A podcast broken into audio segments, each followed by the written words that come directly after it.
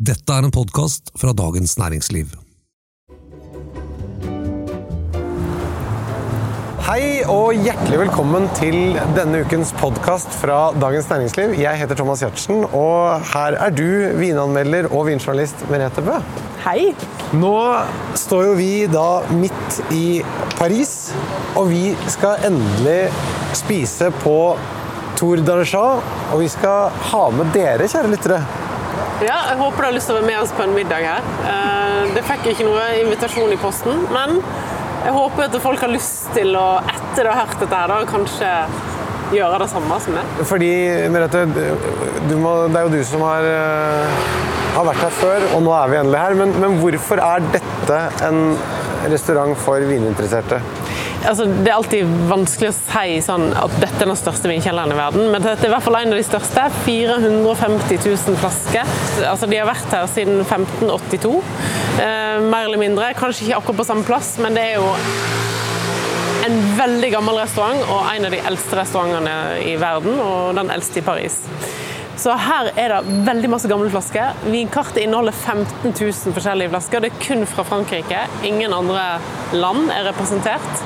Og du har altså, et sånt utvalg fra Burgund at du får lyst til å begynne å grine når du sitter. Altså, det er veldig vanskelig å gjøre valg, da. Hva, hva kommer du hit for? Først og fremst vin eller maten? Vin. Og de har én stjerne i Michelin-guiden. Ja. Det driter jeg i. Altså, hvis, det, hvis noen hadde sagt til meg du har ei uke igjen å leve, hadde reist rett ned her og satt meg ned og ete.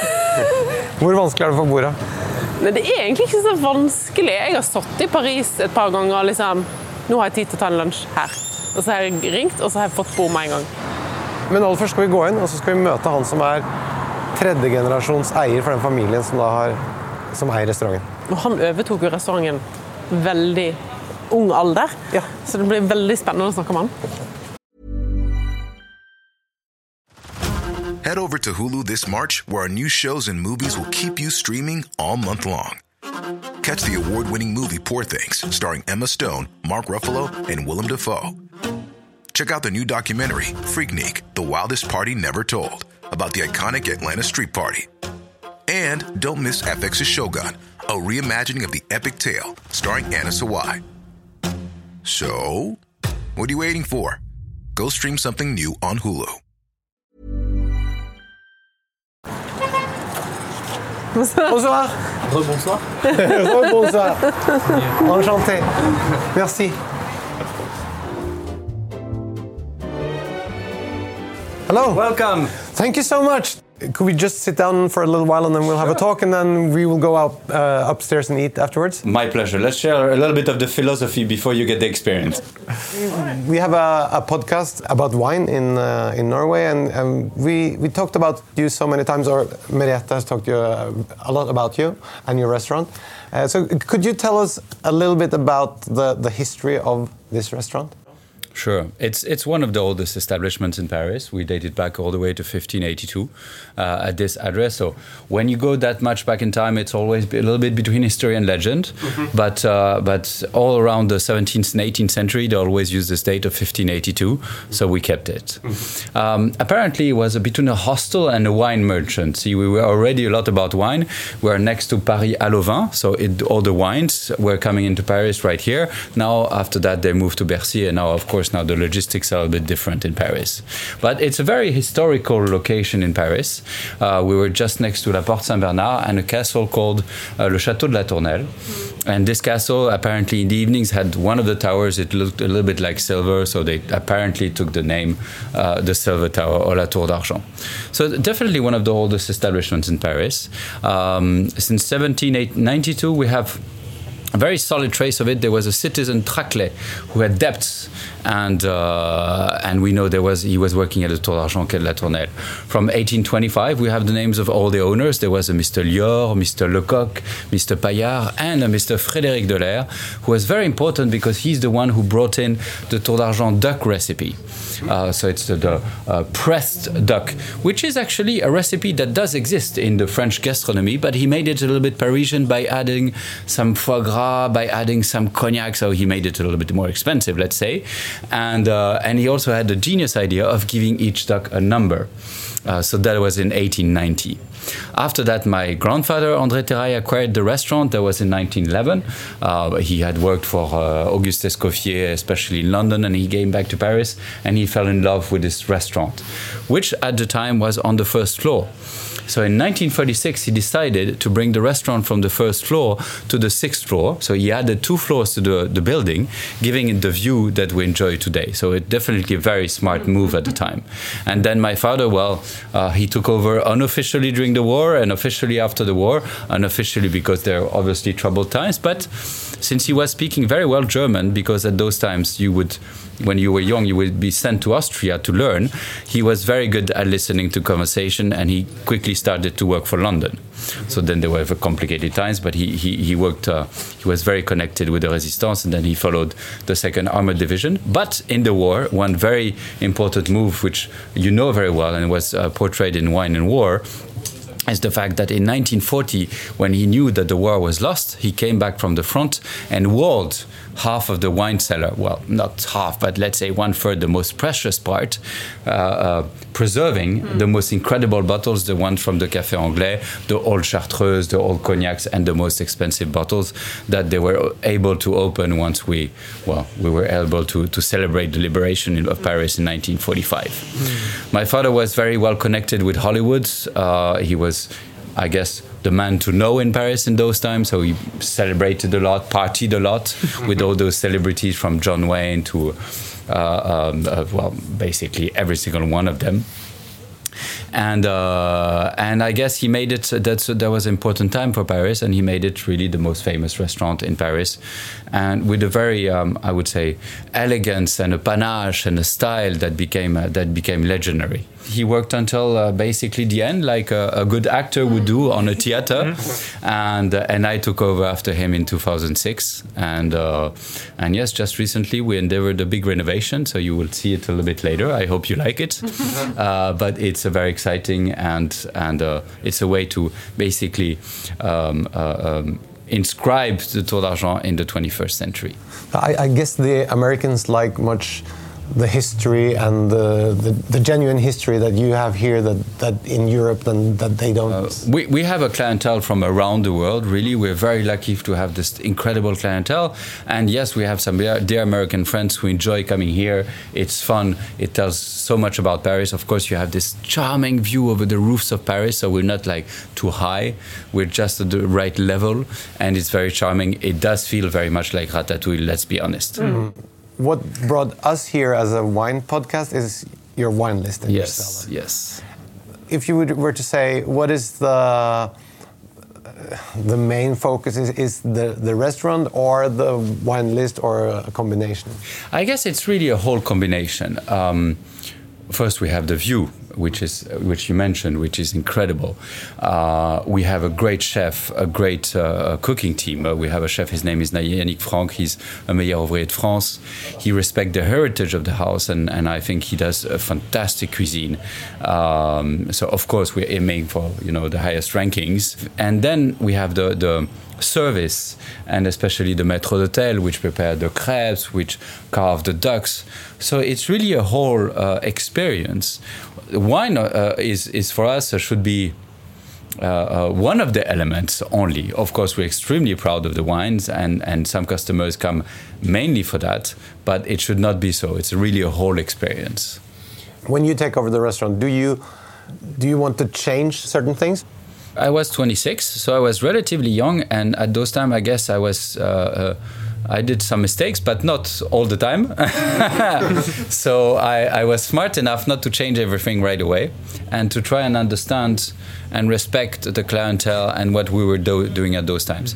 In 2007, I closed down for three months. We did uh, some new kitchens, but apart from that, I more or less respected the menu. Then over time, we had a new chef. His name was Laurent Delarbre. He did a really good job for us. And then we had Philippe Labbé, and now we have Yannick Franck. So some really, really great chefs that we, we were lucky to have.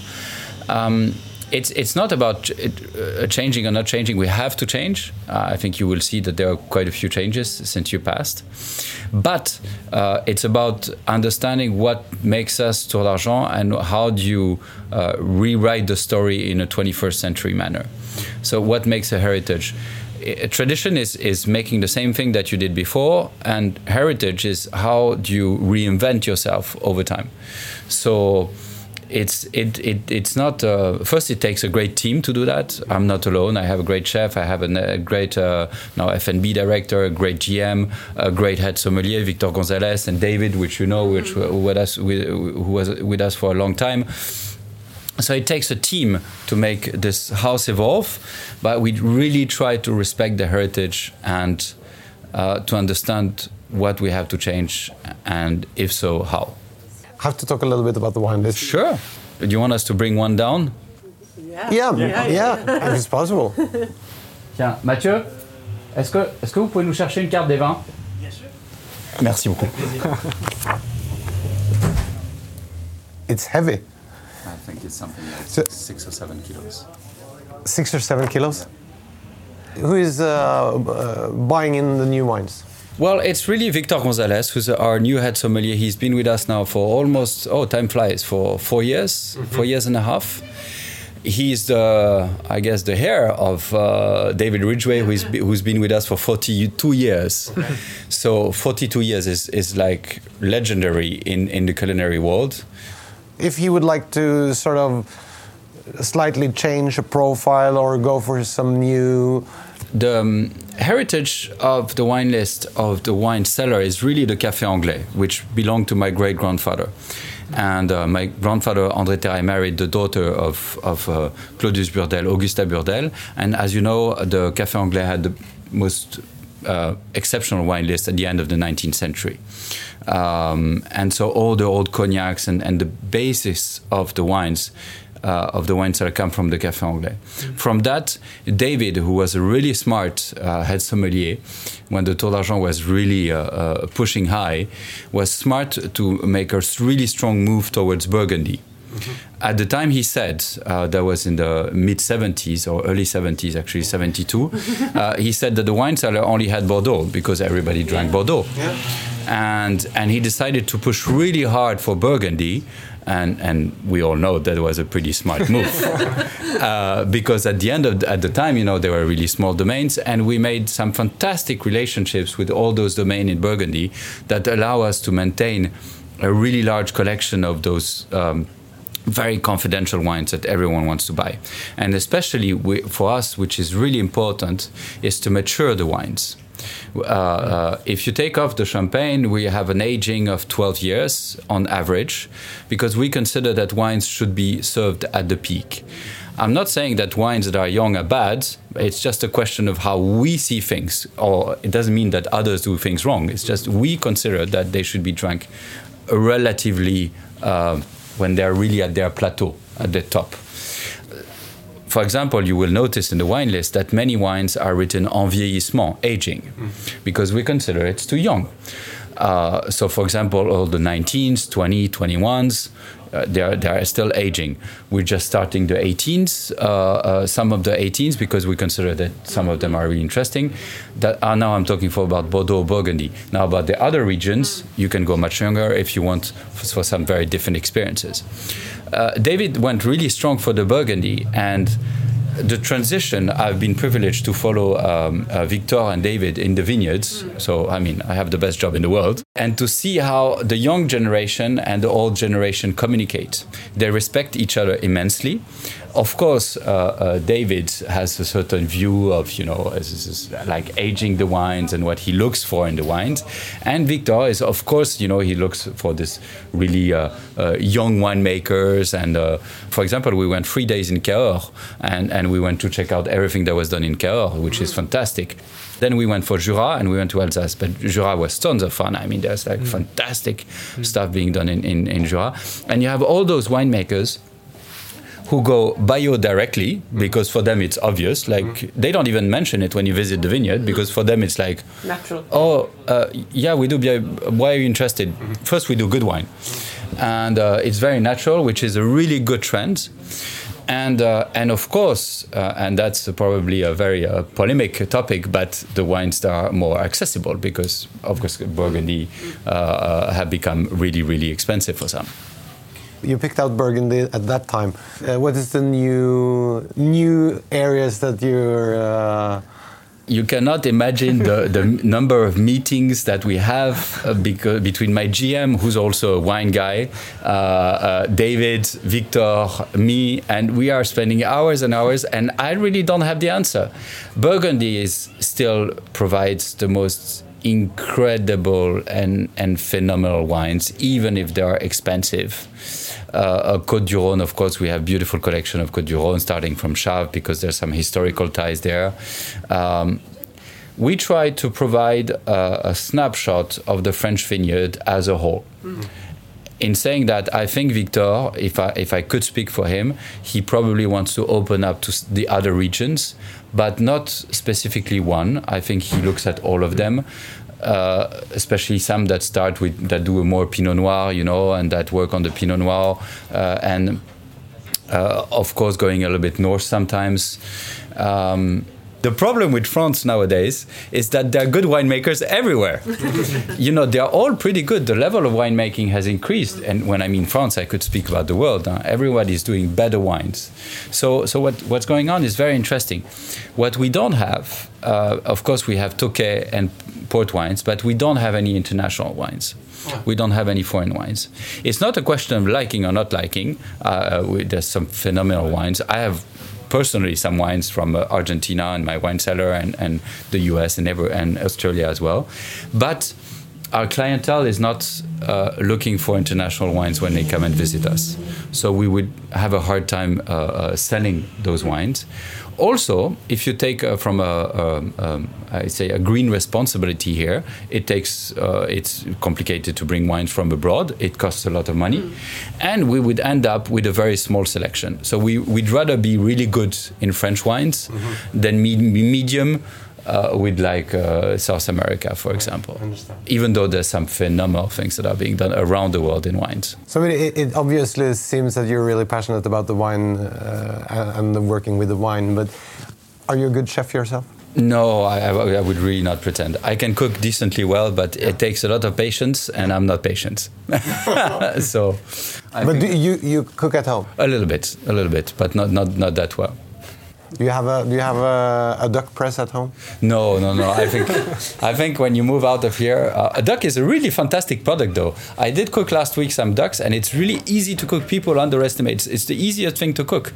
So um, yes, I do cook uh, duck at home sometimes, but not with the duck press. So where where do you spend the most time when you're working? Do, do you do you spend most time with the kitchen, with the wine, with the uh, uh, it's really my, my job as my father was is mostly with the customers. Uh, and then of course crafting the experience with the chef with the F&B director with Victor I had sommelier when we go to the vineyards or we go tasting in Vinexpo or, or else uh, to try and get a catch. And of course developing the company. Uh, we have a bakery just across the street. We have our bistro across the street as well. We open uh, just during COVID times a little fine food shop that we're going to improve uh, we have a restaurant in Tokyo as well, the d'Argent in Tokyo that we've had since '84. So there's plenty of things to do, and of course managing the human resources aspect, which is like here uh, with the help of the team, is is a it's a theater play. So you manage actors. As you are the owner of the restaurant, and you you. Uh, for example, you're not satisfied with the, some of the dishes or uh, something like that.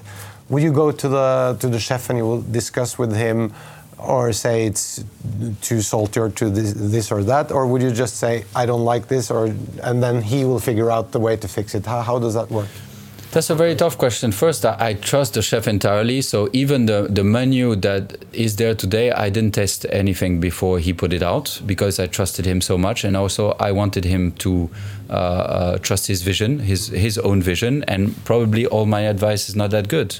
You know, he, he's the one with the know-how and he respects the heritage so much that I, I, trust him to do the to, to make the right decisions. Of course, sometimes I try and I give an opinion, but most of the time he knows it already because he has he has thought about what would the Terrail family or what would the house think. So he's been with us for enough time, and I think he loves the, the, the restaurant so much that whenever I try something, it's usually perfect. Okay. Have you done anything with the classical dishes on the menu? Like uh, I always had uh, like crêpe Suzette here, and I've had. They, they did um, review the recipe. You will uh, you will probably have it. So they reviewed the recipe and experience. I think it has improved. Uh, the duck as well. Uh, we we did many changes, but I think there are subtle. I hope there are subtle and smart changes, and I hope you will enjoy them. Thank you so much. For Thank you so us, much. and No, we're it's a really pleasure. looking forward to the to the meal. Great. Thank you. Thank you.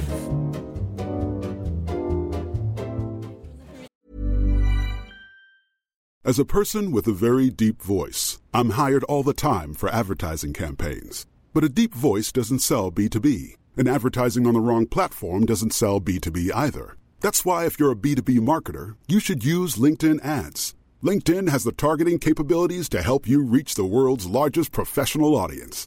That's right, over 70 million decision makers all in one place. All the big wigs, then medium wigs, also small wigs who are on the path to becoming big wigs.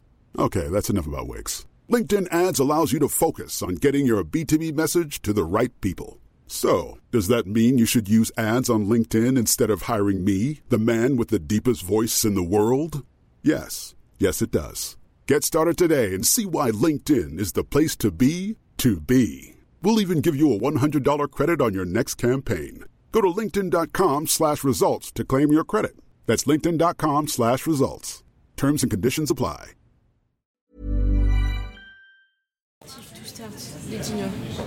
Can we see the wine list?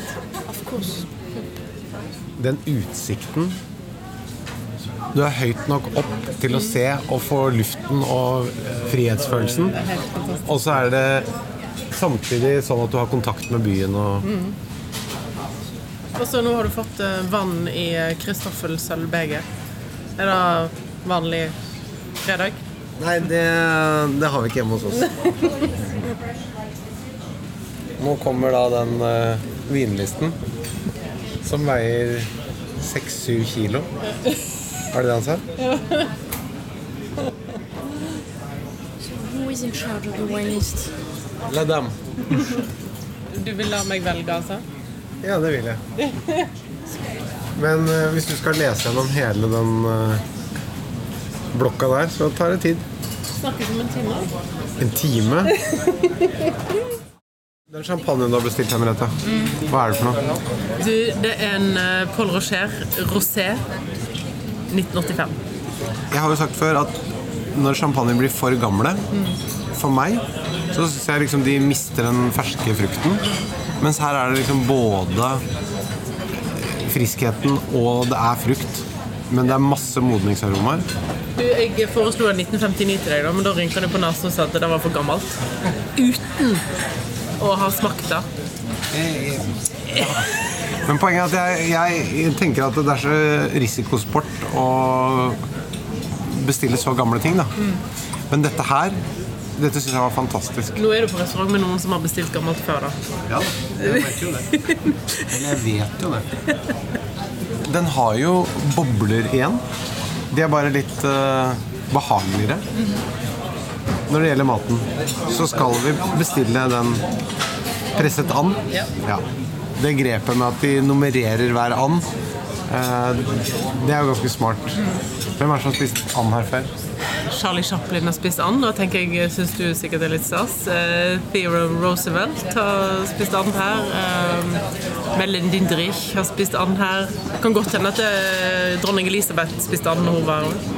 Men er det sånn at vi får, kan få vite hvilket nummer de har på sin and, og hvilket nummer vi har? Ja. Det får du vite.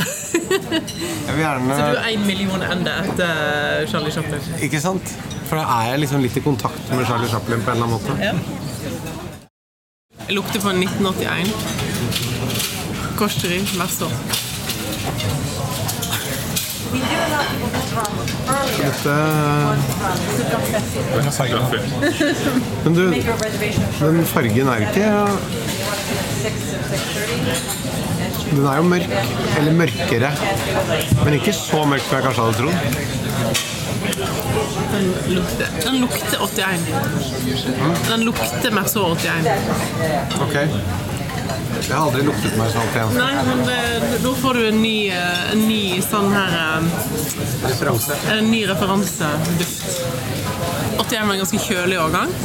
Den er ikke den mest konsentrerte korsen jeg har smakt, men den er, han har et lite sånn urteaktig preg. Nesten litt sånn mynte, timian. Bergamott, nesten. Og så veldig sånn toast og kaffe og sopp. Sopp. Steinsopp. Men det er, det er ganske utrolig å tenke på at den retten her ble kreert i 1890. Men du, jeg har aldri spist and skåret opp på den måten. For den er jo Den er skåret tynt, men den er ikke skåret sånn som du alltid skjærer hvis den er skåret for langt. Det er jo veldig deilig, for hvis det er litt seigt, så er det jo føles jo For det er så tynt. Det er helt sånn filetert. Den er jo skåret mer som en spekeskinke, liksom. Også med de potetene til, som er noe sånn nesten sånn ja, potetgullaktig. Og så er det da den sausen. Litt andelever. Og den vinen, du. Det er Christophe Romier. eh, Chambol Musigny, 1988. Og det er ikke så ofte en drikk 80-talls Romier. Er ikke så ofte en drikker Romier. Jeg må bare si, det, det jeg smakte på den vinen eh, Hvis jeg hadde skulle blindsmake den, hadde ikke vært i nærheten av å tro at den var så gammel. Den er jo så fresh.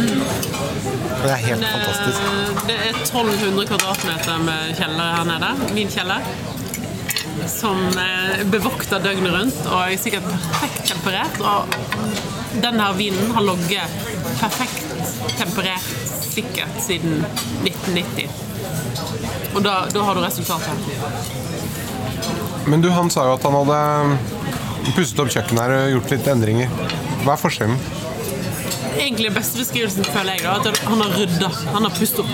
Han har tatt vekk alt det som er unødvendig, og sitter igjen med essensen. Her på tallerkenen nå så er det kun saus og kjøtt. Det er ikke en grønnsak. Det er, ingen, det er ikke en persillekvast for å pynte. Det er ingenting. Det er kun det essensielle. Og så stoler du 100% på råvaren. Og Det er jo Frankrike og kanskje Italia best på. Eh, Vi i Norge har jo ofte en tendens til å putte på bare nett noe grønt. Men det ødelegger ofte mer enn det, enn det skaper. Da. Så eh, jeg syns Jeg ble veldig glad når jeg så at det ikke var gjort mer. Da. For, å si det sånn, bare en liten rydding. For meg så får ikke du bedre restaurantopplevelse i hele verden. Den andre serveringen her nå ble da konfitert andelår med en bearnés med miso i. Og så portobellosopp. Og så en sånn andepølse. Altså helt fantastisk, den retten. Enda mer punch i smaken. Og den bearnésen, den er som at du hadde kokt ned 20 liter bearnés til 1 liter. Dette er et eventyr.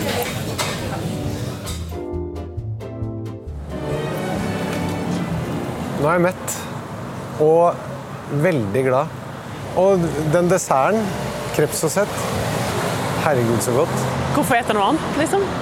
Av alle sånne fine dining-opplevelser så syns jeg dette er noe av det aller beste jeg har vært borti. Fordi en del fine dining-restauranter, ikke alle, men noen, eller ganske mange, har en sånn hvor det er litt sånn fremmedgjørende. og Du, du blir litt sånn eh, Man blir litt usikker. Det er litt sånn Hva er dette? Er det godt? Og så havner man litt i en sånn derre eh, ubehagelig situasjon, rett og slett. Fordi man tenker liksom at det er kanskje noe jeg ikke skjønner, eller noe sånt. noe. Her er det ingenting av det. Her er det veldig lett å forstå. Det er varmt og velkomment og godt. Det har litt sånn eh, brasseriets puls, men med fantastisk mat og helt vanvittige viner. Ja, ja. Hvis man skal vurdere hvor bra en restaurant er på om man har lyst til å anbefale den til sine venner, så må jo denne få toppscore. Her har jeg lyst til å anbefale alle å gå. Da møtes vi neste uke i studio i Nydalen. Jeg skal ha med bikkja, og den har akkurat bytta fôr, så det kan bli litt flatulens, men det overlever vi etter dette. Tusen takk for i dag. Takk for i dag.